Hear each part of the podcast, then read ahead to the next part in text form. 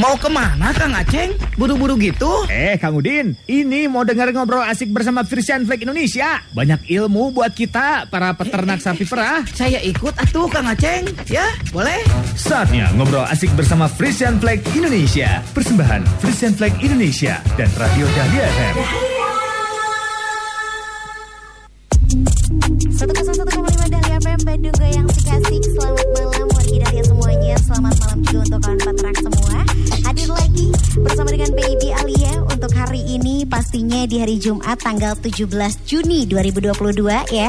Seperti biasa setiap hari Jumat dua minggu sekali Baby Alia hadir nemenin wargi Dahlia Dan juga kawan peternak semuanya Di Radio Buara Frisian Flag Indonesia ya. Dan pastinya wargi Dahlia dan kawan peternak juga Baby Alia ucapkan selamat malam yang ada di Jawa Barat, di Jawa Timur, Jawa Tengah yang selalu menunggu-nunggu kehadiran dari program Radio Buara ini. Karena apa? Karena program Radio Buara ini pastinya sangat penting sekali untuk para peternak semuanya ya. Oh, Karena untuk bisa mendapatkan informasi-informasi tambahan seputar peternakan hanya ada di Radio Buara Frisian Flag. Jadi untuk kawan peternak yang mau mengirimkan pertanyaannya boleh di WhatsApp saja di 0811 222 1015. Nanti di akhir acara juga Baby Alia bakalan eh, bakalan buka line telepon untuk kuis persembahan dari Frisian Flag. Jadi pantengin terus sampai akhir ya. Nah, malam hari ini pembahasannya sangat penting dan sangat menarik sekali. Ini terutama untuk kawan peternak semua karena sama-sama kita dihadapkan dengan wabah PMK ini yang pastinya membuat para peternak khawatir, membuat para peternak ingin cari tahu lebih dalam lagi mengenai PMK pada sapi. Nah, untuk tema kita malam hari ini adalah PMK pada sapi tidak bisa sembuh total. Apakah betul atau tidak? Malam hari ini kita akan bahas bersama dengan narasumber-narasumber yang berkompeten di bidangnya dan pastinya Baby Alia juga di sini udah eh, nggak sendirian lagi, tapi di studio Radio Dahlia ini kita sudah bersama dengan Kang Tino Nurhadianto selaku DDP Extension Manager PT Frisian Flag Indonesia. Wilujeng wengi Kang Tino. Wilujeng wengi teh. Iya, alhamdulillah ya mampir lagi ke studio Dahlia. Luar biasa. Selain Kang Tino, kita juga sudah terhubung via Zoom juga ini dengan narasumber lainnya ya yang sudah terhubung dengan kita di sini. Ada Dokter Hewan Asep Rahmat Khairuddin MPT selaku pengurus KPBS Pangalengan dan juga Ketua IDHSI. Wilujeng wengi Pak Dokter Asep. Oh, Wilujeng wengi. Assalamualaikum warahmatullahi wabarakatuh. Waalaikumsalam. Pak Dokter boleh disapa dulu kawan peternak yang di Jawa Barat, Jawa Timur, Jawa Tengah dan semuanya, Mangga? Ya, eh, kepada teman-teman para peternak di Jawa Barat, di Jawa Tengah dan di Jawa Timur, juga teman-teman dokter hewan dan para medis yang sedang menangani sapi-sapi yang kena PMK di mana saja berada. Mudah-mudahan wabah ini segera terselesaikan. Ya. Amin, amin, amin. Siap ya Pak Dokter Asep sekarang lagi ada di eh, Pangalengan. Di Pangalengan Siap, baru ya. pulang ngobatin Oke. sapi. Oke. Dari Pangalengan kita jauh dulu nyebrang ke sekitaran Jawa Timur. Ini ada Dokter Hewan Dedi Fahrudin Kurniawan selaku Ketua PDHI, PDHI Persatuan Dokter Hewan Indonesia Jawa Timur dan juga CEO dari uh, Pro Indonesia. Selamat malam Pak Dokter Dedi. Selamat malam. Assalamualaikum warahmatullahi wabarakatuh. Waalaikumsalam warahmatullah. Pak Dedi Sedikit koreksi ya. malam ini. Ya, mohon maaf sedikit koreksi. Perhimpunan bukan persatuan. Oke, baik. Dari Perhimpunan Dokter Hewan Indonesia ya. Betul. Oke. Saya lagi di Malang. Oh lagi di Malang. Boleh tuh Pak Dedi Mangga di pesapa dulu eh, kawan peternak yang ada di Jawa Barat dan juga Jawa Timur, Jawa Tengah dan lainnya Mangga. Terima kasih. Selamat malam semuanya. Tetap semangat ya. PMK 40 tahun yang lalu mampir lagi di tempat kita. Mudah-mudahan nggak sampai 40 tahun lagi kita selesai PMK ini. Iya, amin amin. Hadapi semuanya dengan senyuman ya, Pak ya. Iya, Ya. pasti penting sekali malam ini kita akan membahas mengenai PMK pada sapi tidak bisa sembuh total. Apakah betul atau tidak? Kang Tino, ini tema tentang penyakit mulut dan kuku pada sapi beberapa minggu lalu kita sempat bahas Betul. dan malam ini kita angkat kembali tema yang satu ini. Ya. Boleh berikan alasannya untuk kawan peternak semua, Mangga? Iya, beberapa minggu yang lalu kita sempat bahas melalui penyakit menular pada sapi ya. Pada saat itu memang uh, berita mengenai infeksi itu memang sudah ada. Nah kemudian kurang lebih sekitar tiga atau satu bulan yang lalu ya, dan wabah itu sekarang sudah menyebar ke peternak yang uh, lain di Pulau Oke. Jawa. Awalnya di Jawa Timur, Oh iya. iya. kemudian itu sekarang menyebar ke Jawa Tengah, Jawa Barat dan dampak ekonomi yang dihasilkan dari wabah itu juga kita lihat sangat-sangat luar biasa. Jadi memang untuk kondisi saat ini kita bisa katakan peternak eh, sapi Indonesia baik potong maupun perah sedang berduka pada dasarnya. Karena banyak dari mereka yang kehilangan aset, eh, penurunan pendapatan mereka juga jauh jauh sekali berkurang Aduh. dan juga mengancam secara ekonomi eh, peternak-peternak itu dan kooperasinya pastinya ya. Jadi kita mengangkat eh, topik malam ini dengan masalah PMK lagi karena kita me- menganggap ini masalah yang sangat Serius luar, ya? sangat serius harus kita pecahkan bersama tidak mungkin dari kooperasi ataupun industri saja yang bergerak harus banyak eh, pihak yang menganggap ini serius dan harus mulai ada langkah konkret bagaimana kita mengatasi hal ini. Oke baik.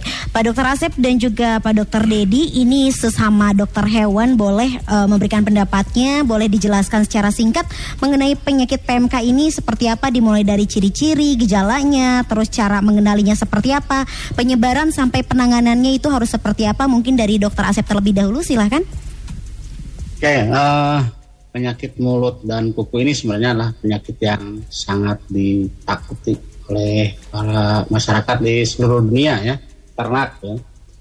Jadi tadi seperti dikatakan oleh Pak Tino, penyakit ini memang eh, apa angka kematiannya rendah, tapi morbiditasnya atau angka kesakitannya bisa 100%. Kemudian secara ekonomi ini sangat-sangat eh, merugikan sekali. Ya, itu ditandai kalau penyakit mulut sesuai namanya ya penyakit mulut dan kuku itu memang ada lepuh-lepuh nanti di mulut, kemudian di kuku dan di ambing ya kalau di sapi perah. Diawali ya gejalanya ya dari mulai sapi depresi, tidak mau makan, kemudian demam ya. Kalau di sapi perah produksi turun bisa sampai 80% bahkan bisa hilang sama sekali. Hilang sama sekali ya hilang susunya, hilang sapinya juga gitu kan. Tapi yang jelas eh, produksi susu sangat turun ya. Itu saya rasakan sendiri. Bukan punya orang yang punya sendiri ya. Saya tadi saya sempat di awal itu bi- bilang saya setiap hari bisa setor 210 eh, kilo ya. Sekarang hari ini cuman 65 kilo. Waduh jauh sekali ya Nah, ya jauh sekali itu ya. Silakanlah Dokter Dedi ditambahkan Dokter Dedi. Boleh Mangga silakan Pak Dokter Dedi untuk menambahkan mengenai PMK ini Ya, jadi eh, banyak gejala-gejala itu kan kecepatan penularannya sejak sapi terinfeksi sampai muncul gejala, sampai hilang produksi, sampai tidak tertangani itu bisa berlangsung dalam waktu yang sangat cepat. Aduh Hitungannya kadang-kadang bisa ngomong ada yang bisa bilang jam nih. Wow. Sapi yang hari ini nggak apa-apa, kemudian besok kelihatan mulai depresi, besoknya lagi langsung muncul lepuh-lepuh segala macam. Bahkan kalau pada sapi perah itu bukan hanya lepuh di sekitar mulut, tapi juga lepuh di sekitar kaki plus lepuh di sekitar ambing, sekitar di sekitar pabrik susunya itu. Jadi otomatis sapinya udah nggak bisa makan, tidak bisa berdiri, tidak bisa diperah. Ini kompleks penderitaannya sapi ini. Jadi permasalahannya bukan sekedar masalah penyakit hewannya atau tidak, atau bukan masalah eh, hewannya sakit atau nggak sakit, tapi dampak yang di luar itu yang jauh lebih mengerikan sebenarnya. Mhm. Oke baik Begitu. Oke, untuk cara penanganan atau pencegahan yang mungkin bisa dilakukan oleh kawan peternak sejak dini itu seperti apa, Pak Dokter Dedi? Ya, kami saya ini sekarang ini pekerjaannya jadi penyuluh. Mhm. itu bisa sep- bisa seperti minum obat sehari bisa tiga kelompok sehari bisa tiga tiga kooperasi karena pekerjaan saya pekerjaan kita ini memastikan supaya orang ngerti ya jadi tepatan para te- teman-teman semuanya kita perlu paham ini virus oke ini virus. Virus tidak bisa diobati virusnya. Yang bisa kita lakukan adalah yang pertama mencegah supaya jangan sampai terkena virus dengan cara vaksinasi. Kemudian yang kedua mencegah dengan cara jangan sampai virus datang ke tempat kita dengan cara membatasi, membatasi pergerakan orang keluar masuk kandang kita, membatasi pergerakan kita. Jangan sampai kita ini melakukan apa kunjungan-kunjungan yang tidak perlu atau menerima kunjungan yang tidak perlu begitu ya. Yang ketiga, kita memastikan sapi supaya kalaupun dia terinfeksi oleh virus ini, sapinya dalam kondisi fit, dalam kondisi kuat ya, sehingga sapinya punya kemampuan sendiri untuk melawan virus itu dengan dirinya sendiri. Itu yang kita lakukan. Itu itu mencegahnya ya, mencegahnya. Tetapi kalaupun dia terinfeksi, kalaupun sapinya virus ke kita perlu memastikan bahwa kita melakukan prosedur penanganannya benar. Ya, sesuai dengan prosedur yang sudah diinstruksikan oleh tenaga medis di sekitar di sekitar peternak, baik itu dokter hewan maupun para medis di sekitar kita. Begitu. Oke baik. Kalau gitu mungkin kita sekilas juga ini sudah hadirkan mini drama ya. Mungkin supaya kawan petrak semua juga bisa menangkap mengenai PMK ini seperti apa secara uh, dari mini drama yang sudah kita sajikan sesaat lagi ya. Dan pastinya eh, Baby Alia juga nanti akan kembali lagi dengan narasumber-narasumber kita. Ada Kang Tino, ada Pak Dokter Asep dan juga Pak Dokter Dedi Tapi sebelumnya kita dengarkan dulu mini drama persembahan dari Radio Bora Frisian Plague Indonesia 101,5 Dahlia FM Dahlia FM Dahlia FM Bandung Goyang. Sik asik.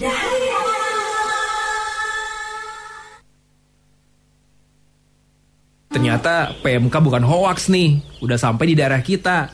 Tetangga kita, si Mas Ragil Sapinya udah mati satu ekor. Gimana nih Kang? Sabar mas, napas dulu.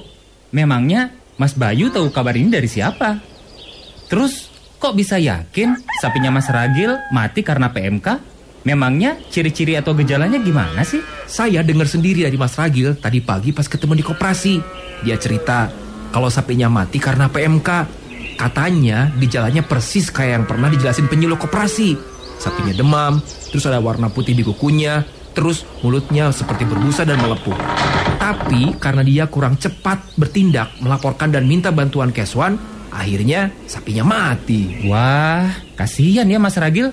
Padahal kalau cepat penanganannya, katanya bisa sembuh loh. Ah, masa sih Kang? Bukannya PMK nggak bisa sembuh total? Ya udah, biar lebih jelas, kita tanya Keswan di koperasi yuk.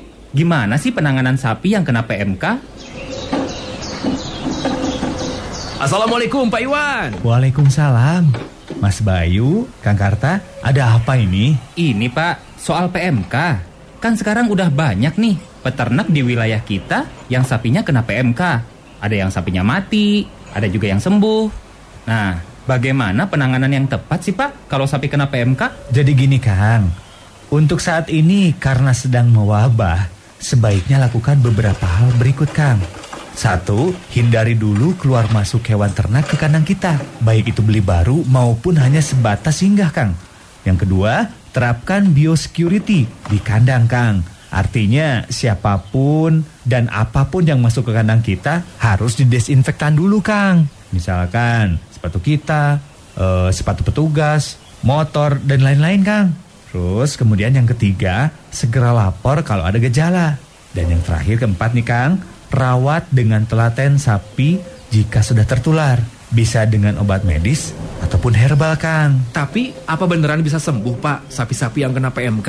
Soalnya ada yang bilang tidak bisa sembuh total. Bisa kok. Sapi yang sudah pernah kena PMK bisa sembuh total dalam waktu 1 sampai 2 minggu, Kang. Dengan penanganan yang tepat dan cepat. Nah, untuk pencegahannya dan pemeliharaan kandang dan sapi sehari-hari secara detail agar aman dari PMK nih, Kang. Yuk, besok malam ikut penyuluhan di sini supaya lebih jelas dan tidak panik termakan berita hoax. Siap, Siap Pak. Terima kasih buat penjelasannya. Sama-sama, Kang. Dijaga sapi-sapinya ya, supaya jangan sampai kena PMK. 101,5 Dahlia FM Dahlia FM Dahlia FM Bandung Goyang Sik Asik 101,5 Dahlia FM Bandung Goyang si Kasih masih di Radio Bora Frisian Flag Indonesia dan malam hari ini kita masih membahas tema yang sangat krusial sekali, sangat penting dan ditunggu-tunggu oleh peternak semua mengenai PMK. Nah, PMK pada sapi tidak bisa sembuh total. Apakah betul atau tidak? Nanti jawabannya akan disampaikan oleh narasumber kita malam hari ini dan pastinya Baby Alia juga ingatkan nih untuk kawan peternak semuanya di mana pun berada, jangan lupa untuk selalu mematuhi protokol kesehatan karena saat ini juga kita masih dalam pandemi COVID, ditambah lagi sekarang ada ada PMK pada hewan ternaknya kaum peternak semua. Jadi memang harus benar-benar diperhatikan kebersihannya khususnya antara lain selalu memakai masker saat berinteraksi di dalam ruangan. Terus juga usahakan tetap memakai masker di area terbuka juga dan tetap menjaga jarak menghindari kerumunan terutama dalam ruangan dan sebagainya dan pasti jangan lupa juga sebelum memerah dan setelah memerah peternaknya wajib untuk cuci tangan memakai sabun ya. Mudah-mudahan semuanya selalu diberikan kesehatan ya. Masih bersama dengan narasumber kita malam hari ini ada Patino ada Pak Dokter Asep dan juga Pak Dokter Dedi yang sudah terhubung juga via Zoom kita di malam hari ini. Selamat malam juga Baby Alia belum menyapa kawan peternak yang ada di Jawa Timur dan Jawa Tengah dan Jawa Barat yang sudah bergabung via Zoomnya ya. Mudah-mudahan sehat semuanya dan juga yang ada di Lembang, Pangalengan juga semuanya selalu diberikan kesehatan. Amin ya. Oke, kalau tadi sudah membahas sekilas dengan Pak Dokter Asep dan juga Pak Dokter Dedi mengenai PMK seperti apa, penyebabnya apa dan juga cara penanganannya seperti apa. Sekarang Baby Alia saya mau tanya dulu nih ke Dokter Asep ya. Kalau di wilayah Jawa Barat nih Pak, boleh dipaparkan sama kawan, kawan peternak semuanya di daerah mana saja yang sudah terkena PMK ini? Apakah fakta yang tadi uh, disebutkan ini benar atau tidak uh, bahwa memang sekarang PMK sudah mulai menyebar di beberapa penjuru terutama di wilayah uh, Jawa khususnya di Jawa Barat Pak Asep? ya, PMK ini sebenarnya kalau dari data di Kementan itu sudah menyebar di 18 provinsi. Mm, ya. Yeah, yeah. Nah, kalau di Jawa Barat sendiri itu hampir di semua wilayah gitu ya, baik mm. sapi potong ataupun sapi perah. Kalau sapi perah sudah kena semua ini ya mm-hmm. di Kabupaten Bandung, Kabupaten Bandung Barat, Bogor, Garut, ya, Kuningan, nah kemudian di Cianjur juga ya sudah banyak Pak ini uh, penyebarannya sangat cepat nih ya. Uh-huh. Jadi dari kejadian di Jawa Timur, Jawa Timur itu diumumkan tanggal 5, tanggal 5 kalau tidak salah. Itu seiring pengumuman itu sudah sudah ada itu pengumuman dikeluarkan tanggal 5 itu di Jawa Barat paling duluan itu di Banjar sama di Garut Nah, tanggal 17 di Pangalengan tuh mulai ya. Yeah. Tanggal 17 tanggal Pangalengan itu tanggal 17. Mm-hmm. Dari tanggal 17 satu ekor sekarang sekitar satu bulan ya. Sudah 2600-an ya. Waduh. Sangat cepat gitu ya. Hampir tiap hari 100 saja ya. Besok nambah lagi 100 terus aja 100. Oke. Okay. Gitu. Oke, okay, kalau dari tindakan dari uh, eh, KPBS-nya sendiri nih terkait adanya PMK yang sudah di Pangalengan sudah hadir bahkan sudah menyebar lumayan luas, ini seperti apa Pak tindakan dari KPBS Pangalengan? Jadi begitu ada berita, jadi berita di Jawa Timur itu di KPBS tuh tanggal jadi begitu dengar berita kemudian ada pengumuman terus mengadakan apa rapat-rapat dan kita membentuk satgas ya. Satgas penanganan PMK. Jadi tugasnya tadi mulai dari penyebaran desinfektan, kemudian melakukan desinfeksi, kemudian penyuluhan tadi ya. Sama seperti di dok dokter yang disampaikan saya juga penyuluhan tiap hari dari sore sampai malam sampai ikut-ikutan pengobatan juga karena mulai kewalahan petugas ya. Nah di Pangalengan kalau sudah masuk itu kemarin itu sudah masuk tugas kita menghambat penyebaran. Jadi menghambat penyebaran jangan sampai menyebar secara masif. Nah akhirnya jadi ini ber eh, ini dari tanggal 17 nih yang tanggal tanggal 17 yang kejadian pertama daerah di Kertasari itu sudah mulai uh, membaik ya. Kemudian bar lagi dan selalu ada kasus baru setiap hari itu. ada 100 kasus baru setiap hari itulah yang yang apa upaya-upaya kita mulai uh, mencegah. Jadi peternak ada tim penyuluh juga kalau di KPBS ini. Uh-huh. Jadi satu hari itu ada mungkin ada tiga empat panggung ya. Uh-huh. Saya ini yang nggak bisa di semuanya. Jadi para penyuluh yang melakukan di beberapa tempat yang uh, mereka menginginkan saya hadir ya sebagai pengurus koperasi di samping memberikan penjelasan juga memberikan motivasi kepada peternak. Jadi uh, peternak supaya jangan sampai uh, panik, kemudian juga mentalnya kena ya. Mm-hmm. Jadi sampai tidak bersemangat lagi gitu ya. Yeah. Nah itu yang tugas saya sebagai pengurus memberikan menyemangati mereka lah mm-hmm. untuk terus berusaha berupaya agar ternak-ternaknya membaik ya. Yeah.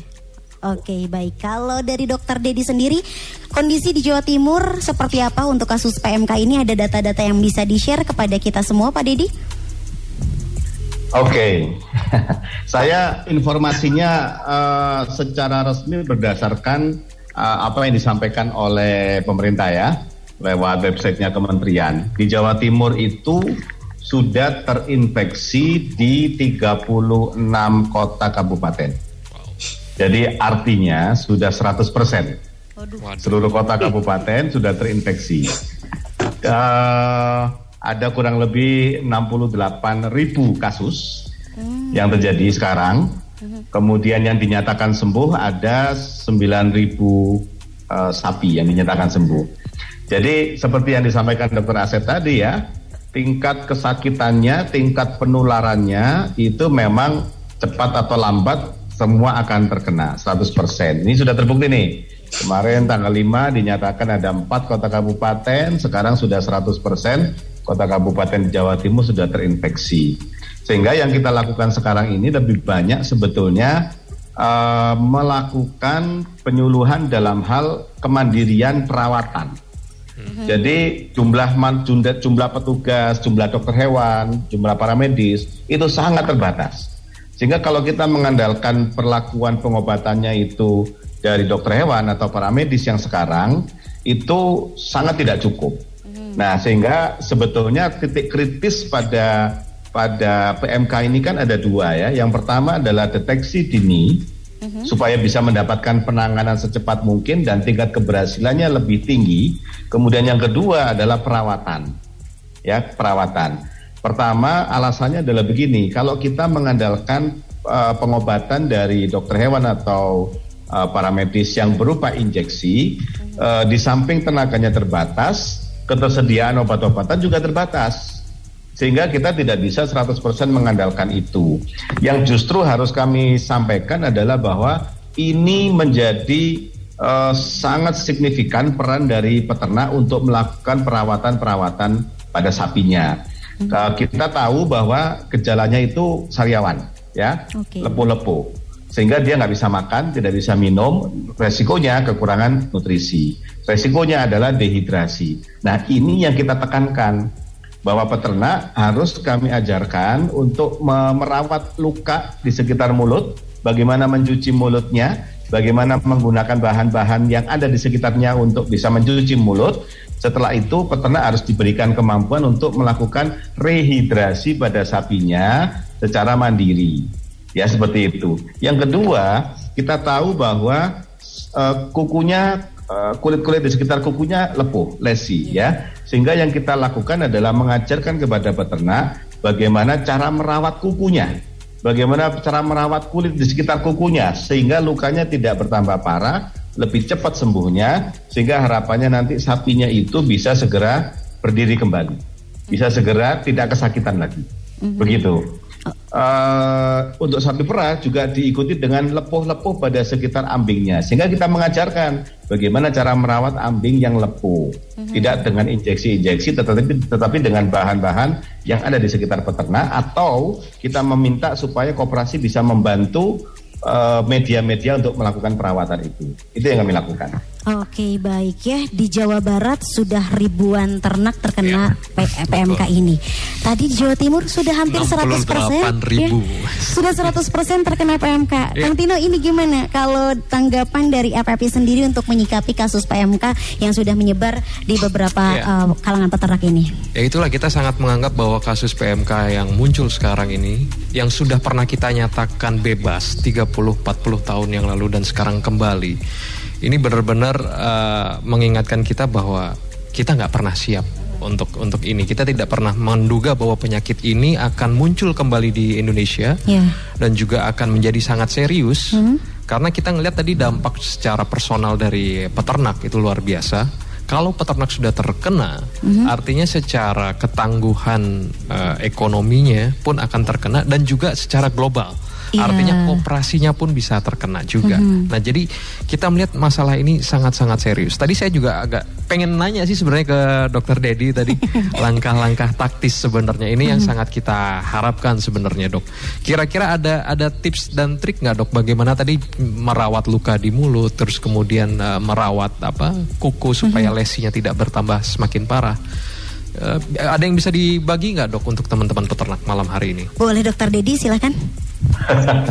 Oke, Eh, yang saya sampaikan ini adalah hasil dari eh, rekomendasi protokol prosedur yang sudah disusun dibuatkan oleh Komite PMK Ikatan Dokter Hewan Sapi Indonesia. Pimpinannya Dokter Asep nih. Kebetulan saya diberikan tugas sama Dokter Asep untuk mengumpulkan para ahli membuatkan protokol yang sesederhana mungkin yang bisa dilakukan oleh peternak ya. Jadi pada prinsipnya begini, Bapak Ibu sekalian, ini sapi terinfeksi virus. Jadi kita memang tidak bisa mengobati virusnya, tetapi kita meng- me- mengobati gejalanya yang diakibatkan oleh si sapi, ini, si virus ini. Ya, pertama Bapak Ibu harus paham sapinya sariawan, lepuh-lepuh semuanya. Dia nggak akan bisa makan, ya. Sehingga kalaupun dia makan, kita harus bantu makannya dengan makanan-makanan yang halus. Tetapi tidak akan bisa banyak yang paling berpengaruh signifikan adalah kalau dia dehidrasi berat. Nah, dehidrasi beratnya sapi ini membuat kondisi fisiologis kesehatannya semakin turun sangat drastis. Sehingga tugas kita untuk ngurusi urusan ini ada dua. Yang pertama, cara bagaimana caranya kita mengurangi sariawan peradangan lepuh-lepuh di sekitar mulutnya. Yang bisa kita lakukan adalah cuci. Oke, cuci. Bagaimana cucinya? Kalau kita menemukan adanya eh, apa air liur yang berlebihan, maka air liur itu diseka dulu, diambil dulu, kemudian kita bisa membuat larutan untuk mencuci mulut. Pilihannya ada beberapa, ya. Yang pertama sesuai dengan yang direkomendasikan Ikatan Dokter Hewan Sapi Indonesia, yang pertama adalah bisa menggunakan asam sitrat, sitrun, Citrun. ya 5 gram dicampur dengan air panas itu dicampur kemudian dipakai untuk mencuci mulutnya. Pilihan yang kedua kita bisa juga menggunakan eh, larutan apa namanya eh, soda kue sodium bikarbonat. Nah kita bisa mencampur juga 3 gram eh, sodium bikarbonat dicampur sama satu liter air dipakai mencuci mulutnya. Kita juga bisa menggunakan eh, asam borat. Ya asam borat itu eh, 5 gram dicampur sama air anget kemudian dipakai untuk mencuci mulutnya kita juga bisa menggunakan air garam air garam dengan eh, satu sendok air garam dicampur dengan air anget dipakai untuk mencuci mulutnya dilakukan dengan cara disemprotkan dibuka mulutnya disemprotkan dan bisa dilakukan 2 sampai tiga kali sehari. Itu tujuannya adalah yang pertama mencuci, membersihkan. Yang kedua mengurangi jumlah virus. Yang ketiga untuk mengurangi peradangan. Sehingga dengan cara seperti itu harapan kita kecepatan sembuhnya sariawannya itu akan lebih lebih cepat.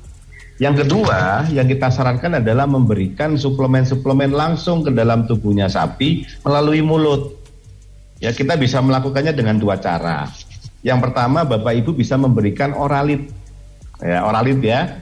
Bisa pakai gula garam, bisa dipakai ya. Oralit yang di, yang kita yang dipakai untuk manusia juga bisa dipakai untuk sapi dengan jumlah perbandingan ya. Kalau manusia dengan sapi itu kan kira-kira sekitar satu dibanding 10 atau satu, sampai satu dibanding 15 tergantung besar kecilnya sapi. Kalau manusia biasanya minum minum satu liter, ya kasihlah ke sapi 10 liter. Kalau manusia biasa minum satu setengah liter, kasihkan ke sapi 15 liter. Campur oralitnya sesuai dengan dosis. Itu kita kita minumkan ke sapi. Bahkan uh, beberapa peternak yang di Kabupaten Malang juga kita ajarkan bagaimana memberikan minum kepada sapi itu lewat lewat selang air. Kita berikan 10 liter, 20 liter sampai ke perutnya sapi juga juga tidak masalah. Ini sangat membantu sapi untuk menjaga stamina supaya tidak sampai dehidrasi, supaya tidak sampai kekurangan energi. energi. Karena sapi itu nggak bisa makan sampai beberapa hari. Nah, itu untuk untuk seputar sariawan ya, seputar sariawan dan menjaga supaya sapinya tidak sampai uh, dehidrasi. Kita juga bisa membantunya dengan cara menambahkan uh, herbal. Herbal-herbal seperti temulawak, kemudian herbal seperti kunyit atau jahe, itu juga bisa diberikan kepada sapi untuk meningkatkan stamina-nya sapi. Nah, seputar itu ya. Nah, kalau kalau lukanya itu di kuku bagaimana? Kan kita tidak bisa menghilangkan virus di kuku ya. Tetapi yang kita bisa lakukan adalah mengurangi virusnya, kemudian membantu supaya kecepatan sembuhnya lukanya virus, uh, lukanya kuku ini bisa lebih cepat. Apa yang bisa dilakukan? Yang pertama yang kami sarankan adalah Bapak Ibu membuat larutan soda kue yang tujuannya untuk membersihkan kuku yang yang luka-luka itu. Hmm. Satu sendok soda kue dicampur sama air satu liter. Nah, larutan ini dipakai untuk membersihkan eh, luka-luka uh, yang ada di sekitar kuku. Ya, kemudian kita juga bisa menggunakan kalau Ikatan Dokter Hewan Sapi Indonesia menyarankan menggunakan tembaga sulfat, kupri sulfat, atau kalau dalam bahasa kami di Malang kita menyebutnya terusi. Nah, itu bisa di bisa ditaburkan di sekitar luka-lukanya itu untuk mempercepat keringnya luka. Kalau lukanya dalam sampai ke bagian di antara kuku, maka terusi itu bisa dimasukkan ke situ, ditempelkan di situ, dibalut supaya dia bisa mempercepat kesembuhannya. Itu yang itu yang kami sarankan. Kalau luka-lukanya lepuh-lepuhnya itu ada di puting, maka Bapak Ibu bisa menggunakan larutan celup puting yang bisa dipakai itu bisa disemprotkan, tetapi kami menyarankan kalau di puting lebih baik dicelupkan. Nah, itu akan bisa membantu mempercepat kesembuhan luka. Harapannya kalau luka di sekitar uh, mulutnya itu cepat sembuhnya, luka di sekitar kaki itu cepat sembuhnya, mm-hmm. luka di puting cepat sembuhnya, sapi bisa makan lebih cepat. Sapi bisa berdiri lebih cepat, mm-hmm. sapi tidak mastitis. Nah, itu yang kami sarankan.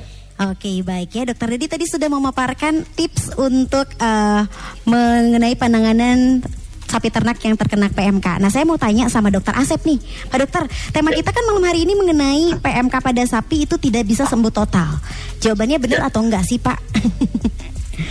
ya jadi saya tidak berani bilang sembuh Tapi uh, sapi-sapi yang terkena PMK eh, ini akan membaik setelah uh, beberapa hari mendapat uh, treatment terus sapinya sudah mulai makan nah hanya mungkin setelah membaik ini ini yang yang juga menjadi apa pemikiran saya karena di lapangan juga ada sudah membaik terus tiba-tiba bisa mati, uh, ya? mati gitu. Mm-hmm. Ini mungkin tergantung juga tadi yang dijelaskan dokter Dedi. Pertama adalah kecepatan penanganan. Nah, kemudian saya sarankan juga walaupun tadi misalnya dokter Dedi menyarankan ada tip-tipnya itu uh, ini ada ada masalah nih dokter Dedi. Jadi para peternak juga me, ini kita sudah siapkan ya di Ikatan Dokter Hewan Sapi itu supaya nanti juga bisa dibagikan oleh para penyuluh di mana pun berada. Jadi jangan sampai di peternak juga uh, melakukan pengobatan sendiri ya melakukan treatment sendiri dengan tutorial di YouTube ya atau di medsos ya itu sudah banyak korban tuh sudah iya, banyak korban. sama juga jangan uh, jangan ter apa jangan terprovokasi dengan yang tidak jelas ini. Silakanlah ditanyakan ke dokter hewan masing-masing di daerahnya. Dan juga uh, balik lagi ke masalah PMK ini jadi sapi itu akan membaik ya. Mm -hmm Kemudian memang untuk sapi perah ini yang sudah saya lihat di lapangan itu ada tadi ada pertanyaan juga saya lihat di room chat itu. Ada penurunan produksi yang permanen. Artinya ketika produksi susu tadi 20 liter, misalkan setelah terkena PMK ini kemungkinan besar itu tidak bisa kembali lagi ke 20 20 liter yang awal ya. Karena memang ini sangat dahsyat ya serangan virus ini sehingga juga bisa menyerang kambing bahkan di beberapa tempat nih dokter Dedi ya eh, setelah nah ini yang tadi perawatan puting ini harus harus benar-benar. Karena setelah kasus ini membaik nah ini ada masalah dua masalah yang yang dihadapi para pertan, uh, peternak. Tadi masalah kaki kedua masalah mastitis. Ini uh, angka mastitisnya sudah uh, naik ya jadi sudah membaik kena mastitis terus nggak bisa berdiri karena kakinya juga um, menjadi parah. Nah, tadi betul ya. Ini juga uh, membaiknya sapi ini juga sangat tergantung kepada ketelatenan para peternak. Saya sudah bisa membedakan di lapangan ya. Ada peternak yang memang telaten tadi mau eh, cuci mulut kan gampang ya, pakai garam, pakai soda kue itu ada semua lah Citrun juga itu ada semua ya. Kalaupun misalkan sekarang harganya agak naik ya itu wajar lah. Karena rebutan juga karena jadi semprot itu ya. eh jadi beli semprotan dibuka mulutnya itu kadang-kadang peternak ada yang aduh saya nggak bisa pak eh, buka mulutnya. Jadi memang tidak bisa dilakukan sendiri ya harus berdua. Jadi bapaknya yang buka mulutnya ibunya yang semprot. Ini memang perlu kerjasama. Jadi nggak bisa satu orang itu nyemprot nyemprot karena harus dibuka karena lepu itu sampai ke belakang lidah itu Waduh. kalau belakang lidah. Jadi memang eh, harus harus memang kerjasama di sini. Dan juga memang benar itu jangan peternak ini mengandalkan petugas. Tetapi harus berkonsultasi dengan petugas tapi tidak boleh juga mengandalkan petugas. Karena petugas ini banyak ya. Jadi jangan sampai karena petugas tidak datang akhirnya tidak dikerjakan apa-apa oleh peternak nah tadi bisa berakhir dengan yang saya jelaskan tadi.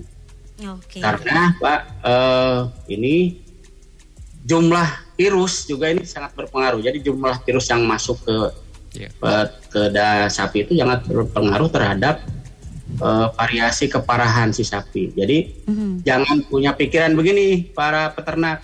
Wah ada sudah kena nih di kandang jadi yang semprot-semprot lingkungan itu juga tidak dilakukan lagi. Sudah tidak melakukan lagi apa eh, sanitasi Disinfektan. kebersihan juga. Udahlah udah kena inilah biarin aja. Nah itu juga nanti ke yang sebelahnya mungkin bisa lebih parah karena sudah banyak di sana ya. Itu jadi kali lagi nih yang yang ingin saya garis bawahi di sini jangan terprovokasi dengan iklan ya. Ini beberapa nih? Eh, sudah nanyain ke sana dok pakai ini. Udah pakai yang ada aja di rumah. Iya. nggak usah banyak eh, macam-macam ya. Karena itu, itu juga nanti akan keluar biaya besar. Mhm. Hasilnya belum tentu gitu ya Oke, barangkali. baik. Terima kasih Dokter Asep. Sebelum komersial break, saya juga pengen tanya satu pertanyaan lagi kepada Dokter Dedi ya. Pak Dokter, ini kabarnya eh, kalau eh, PMK ini bisa menular dari satu sapi ke sap- eh, sapi lain melalui susu katanya, seperti itu. Ada nggak SOP penanganan susu supaya tidak menjadi media penularan ke sapi lain di kandang yang berbeda? Baik, saya menggarisbawahi yang menggarisbawahi yang disampaikan Dr. Asep. Ini PMK ini sebetulnya bukan penyakit baru, ya. Di luar sana juga sudah banyak, sehingga sebaiknya Bapak Ibu sekalian, teman-teman semuanya melakukan prosedur pengobatan, pengamatan yang memang ditentukan oleh dokter hewan atau para medis yang ditunjuk dan berwenang. Karena itu sebetulnya sudah terbukti prosedur yang sudah dilakukan dan disarankan dokter hewan itu eh, berdasarkan yang sudah terjadi di banyak negara. Ya, jadi sebetulnya tinggal ikuti saja, tidak perlu mencoba prosedur yang aneh-aneh. Iya, Jangan terprovokasi sama sama orang-orang yang justru tidak punya pengetahuan medis yang benar tentang PMK ini. Oke, kemudian masalah tentang penanganan susu. Betul.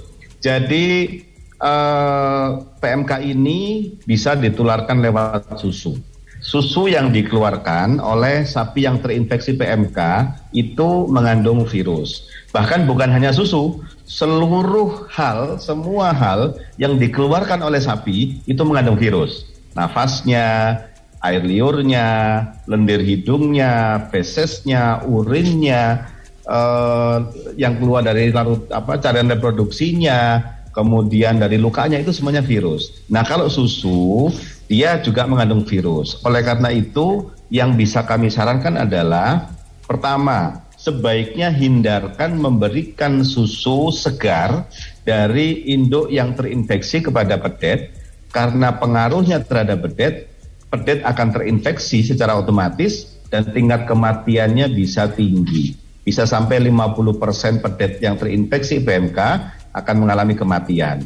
Sehingga ada dua pilihan yang bisa dilakukan sama peternak ada dua pilihan ya. Yang pertama yang direkomendasikan oleh Ikatan Dokter Hewan Sapi Indonesia adalah uh, sebelum susu itu diberikan ke pedet, maka susu itu harus dimasak dulu.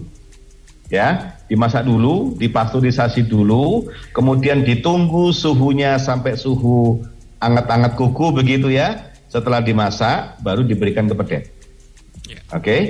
Tetapi ini pun tidak 100% menjamin, ya. Uh, memang uh, sebagian besar uh, virusnya akan mati, bisa jadi semuanya akan mati. Tetapi kalau prosedur pemanasannya keliru, misalnya nih ya, belum sampai masak, belum sampai suhu 75 Celcius, sudah diberikan kepada pedet, anget-anget saja.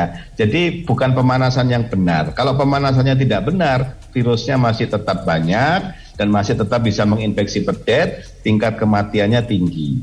Yeah. Kalau peternak tidak bisa melakukan itu, kalau tidak bisa melakukan itu, tidak yakin bisa melakukan itu, lebih baik jangan diberikan susu segar. Bisa iya. menggunakan calf milk replacer, ya, uh, susu pengganti yang sudah dipastikan dia aman dari PMK. Tetapi ketika mencampurkan CMR ini, calf milk replacer, susu pengganti ini dengan air, teman-teman juga harus memastikan airnya bukan air yang dipakai oleh sapi yang terinfeksi, begitu ya. Karena sapi yang terinfeksi kemudian dia berinteraksi dengan air, minum atau apa pun dipakai mandi atau apa pun, maka airnya itu pun juga akan mengandung virus dan berpotensi melakukan infeksi. Jadi pilihannya dua itu ya, mm-hmm. dipasteurisasi, dimasak, atau kalau nggak yakin pakai CMR. Begitu. Oke baik, terima kasih banyak Dokter Dedi, Wargi Dahlia dan juga kawan peternak jangan ke mana-mana setelah komersial break berikut ini. Baby Alia bakalan angkatin telepon untuk kuis persembahan dari Radio Bora Frisian Flag Indonesia. Dahlia. 101,5 Dahlia FM. Dahlia FM. Dahlia FM. Bandung Goyang. Sik asik. Dahlia sapi ya. Dan pastinya untuk warga Dahlia yang mau ikutan kuis interaktifnya boleh telepon saja di 73028 atau di 7311710-nya. Silahkan ada siapa ini? Halo Radio Boro Fashion League Indonesia. Halo. asik atuh. Sama siapa ini, Besti? Sama Mustafa di Andir. Siapa? Mustafa di Andir. Mustafa di Andir. Iya, Kang Mustafa pertanyaannya gampang sekali. Coba sebutkan salah satu gejala PMK pada sapi yang mudah dikenali. Ya. Apa la, gejalanya lepuh, tadi yang sudah disebutin? Lepuh di mulut, mm-hmm. terus di kaki dan kambingnya. Oke, okay. gimana tidak mau betul? makan, Bener tidak, sih. tidak mau makan. Ya, disuruh satu tiga. Terima kasih banyak Kang Mustafa. Hadiahnya bisa diambil ke Radio Dahlia di jam kerja ya. Ya, oh, ya. Siap, kasih. Prung ah go go go goyang siap. Terima kasih banyak ya. Ini luar biasa ya pertanyaan-pertanyaan yang masuk juga banyak sekali dan hampir semua sebetulnya sudah terjawab tadi yeah. sama uh, Pak Dokter Asep dan juga Pak Dokter Dedi penjelasan malam ini hari ini padat sekali dan juga bermanfaat sekali ya. Yeah. Ini luar biasa sekali. Mungkin uh, saya mau tanya dulu dari Pak Dokter Asep kesimpulan yang mau disampaikan terkait tema kita malam ini apa Dokter Asep silahkan. Nah, ini yang pertama adalah PMK ini adalah penyakit yang sangat menular ya. Penularannya sangat cepat karena e, bisa ditularkan lewat udara ya. Airborne disease jadi sangat cepat. Kemudian e, penanganan yang cepat juga akan menentukan tingkat e, kesembuhan tingkat e, membaiknya sapi ya. Dan juga ketelatenan ketelatenan peternak di dalam menangani juga ini akan menentukan tingkat uh, kesembuhan ya. Kemudian satu lagi yang uh, diharapkan tuh peternak harus mengikuti uh, langkah-langkah atau prosedur yang disarankan oleh petugas. Jangan niru-niru uh, yang lain-lain gitu ya. Mm-hmm. Itu aja. Iya, baik ya. Kalau dari Dokter Dedi, kesimpulan yang ingin disampaikan, silakan. Iya, Dokter Dedi. Oh, ya, Dokter terima kasih. Boleh? Saya sudah? Sudah ada, sudah. Mangga, ya, Oke. Okay. Sorry, sorry. Saya melengkapi yang disampaikan Dokter Asep kaitannya dengan vaksinasi. Ya. Mm-hmm. Jadi uh, sebentar lagi kita akan mendapatkan vaksinasi. Ya. Uh, kabarnya vaksinnya beberapa sudah ada di Indonesia dan kita berharap sudah akan segera menyebar ke tempat masing-masing. Jadi Bapak Ibu sekalian, uh, jangan menolak vaksinasi. Ya, vaksinasi itu menjadi pertahanan yang utama supaya kita bisa mencegah PMK. Vaksinasi diberikan kepada hewan yang sehat. Hewan yang sakit tidak diberikan vaksinasi. Hewan yang sakit dirawat yang benar sesuai dengan yang tadi prosedur yang sudah di, kami sampaikan. Ya, mm. yang kedua vaksinasinya diberikan kepada pedet sejak umur dua minggu sampai tidak terbatas. Ikuti prosedurnya dan pastikan Bapak Ibu koordinasi selalu dengan petugas. Betul-betul pastikan prosedur yang dilakukan sama seperti yang disarankan oleh petugas, baik itu dokter hewan maupun para medis, ya. Tidak perlu mencoba macam-macam yang aneh-aneh karena sebetulnya ini ini bukan penyakit yang baru, jadi tidak perlu mencoba cara-cara yang macam-macam prosedur yang sudah disarankan sama dokter hewan, sama para medis itu sudah terbukti, sudah berhasil dengan baik, tinggal kita mengikuti saja. Hmm. Ya, dan jangan khawatir vaksinasi vaksinasi tidak diberikan pada hewan yang sakit sehingga tidak ada hubungannya dengan kesembuhan ya. Jadi hmm. vaksinasi diberikan pada hewan yang belum pernah terkena PMK. Oke, okay? hmm. yang sakit tidak divaksin, yang sudah sembuh tidak perlu divaksin. Karena sudah dapat pertahanan tubuh dengan baik. Iya. Begitu. Mudah-mudahan Bapak Ibu sekalian kuat. Kita sama-sama kuat. Saya juga saya juga peternak. Dokter Aset juga peternak. Kami dokter hewan, tapi juga sekaligus jadi peternak. Saya juga sangat khawatir terhadap peternakan saya. Sehingga kita punya punya nasib yang sama kita punya uh, apa situasi yang sama, mm-hmm. kita saling menguatkan kerjasama supaya kita bisa segera bebas dari PMK lagi. Ah, Terima kasih Mbak Baby. Siap, baik. Kalau dari Kang Tino, Kang, ada yang mau disampaikan terakhir? Ya, ada beberapa hal yang saya garis bawahi dari pembicaraan kita mm-hmm. uh, sebelumnya. Yang pertama mengenai kemandirian. Yeah. Kemandirian sebagai seorang peternak di saat seperti ini, ini benar-benar kita harus uh, cukup mandiri ya, karena mm-hmm. semua juga mengalami musibah yang sama. Betul. Yang kedua air minum tadi yang saya garis bawahi. Ini sering kali kita lupakan bahwa sapi yang cukup air minum untuk tingkat kesembuhannya akan jauh lebih lebih tinggi ya dok ya. Mhm. Mohon koreksi kalau salah. Dan selanjutnya memang uh, tetap ikhtiar sekuat-kuatnya kita harus tetap ikhtiar karena nanti setelah uh, masalah ini berlalu, harga sapi yang akan di de masa depan itu akan luar biasa tinggi gitu. Yeah. Jadi kita bisa bayangkan kalau kita bisa melalui uh, masa wabah ini, ini akan sangat luar biasa bagi para peternak. Jadi tetap ikhtiar, memang pada akhirnya kita harus tawakal. Mm-hmm. Ya, ya tidak okay. ada nahkoda yang baik mm-hmm. terlahir dari laut yang tenang. Oh Intinya keren, Kang Tino, puitis sekali malam hari ini ya.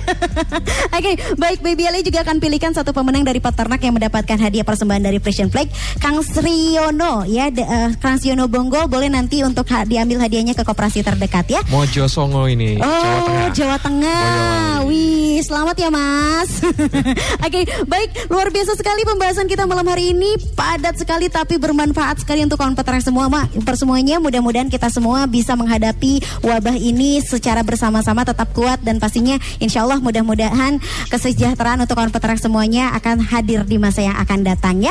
Pastinya semua hal yang disampaikan oleh narasumber ini telah dilakukan oleh banyak per, uh, peternak dengan hasil yang baik. Jadi tinggal bagaimana peternak Indonesia berani dan mau mencobanya. Lakukan perubahan secara bertahap karena ingat kesuksesan itu butuh pengetahuan dan juga keberanian Hatur nuhun pisan Pak Dokter Asep, Pak Dokter Dedi untuk waktunya malam hari ini ya. Mudah-mudahan sehat selalu semuanya. Kang Tino juga hatur nuhun pisan ya. Wargi Dahlia kawan peternak yang belum terjawab pertanyaannya tidak usah khawatir nah karena nanti akan dijawab oleh WhatsApp-nya dari Buara Fashion Flag Indonesia ya. Baby Alia pamit dulu sampai ketemu lagi di dua minggu yang akan datang. Panteng Radio Panteng Dahlia, prung ah go go go goyang. Kang Udin, Kang Udin. Mo. Kang Udin mah, hayu atuh Kang pulang. Ngobrol asik bersama Frisian Flag Indonesia-nya udahan. Terus gimana tuh saya? Tenang, ngobrol asik barengan Frisian Flag Indonesia bakalan balik lagi tiap hari Jumat dua minggu sekali. Persembahan Frisian Flag Indonesia dan Radio Dahlia FM.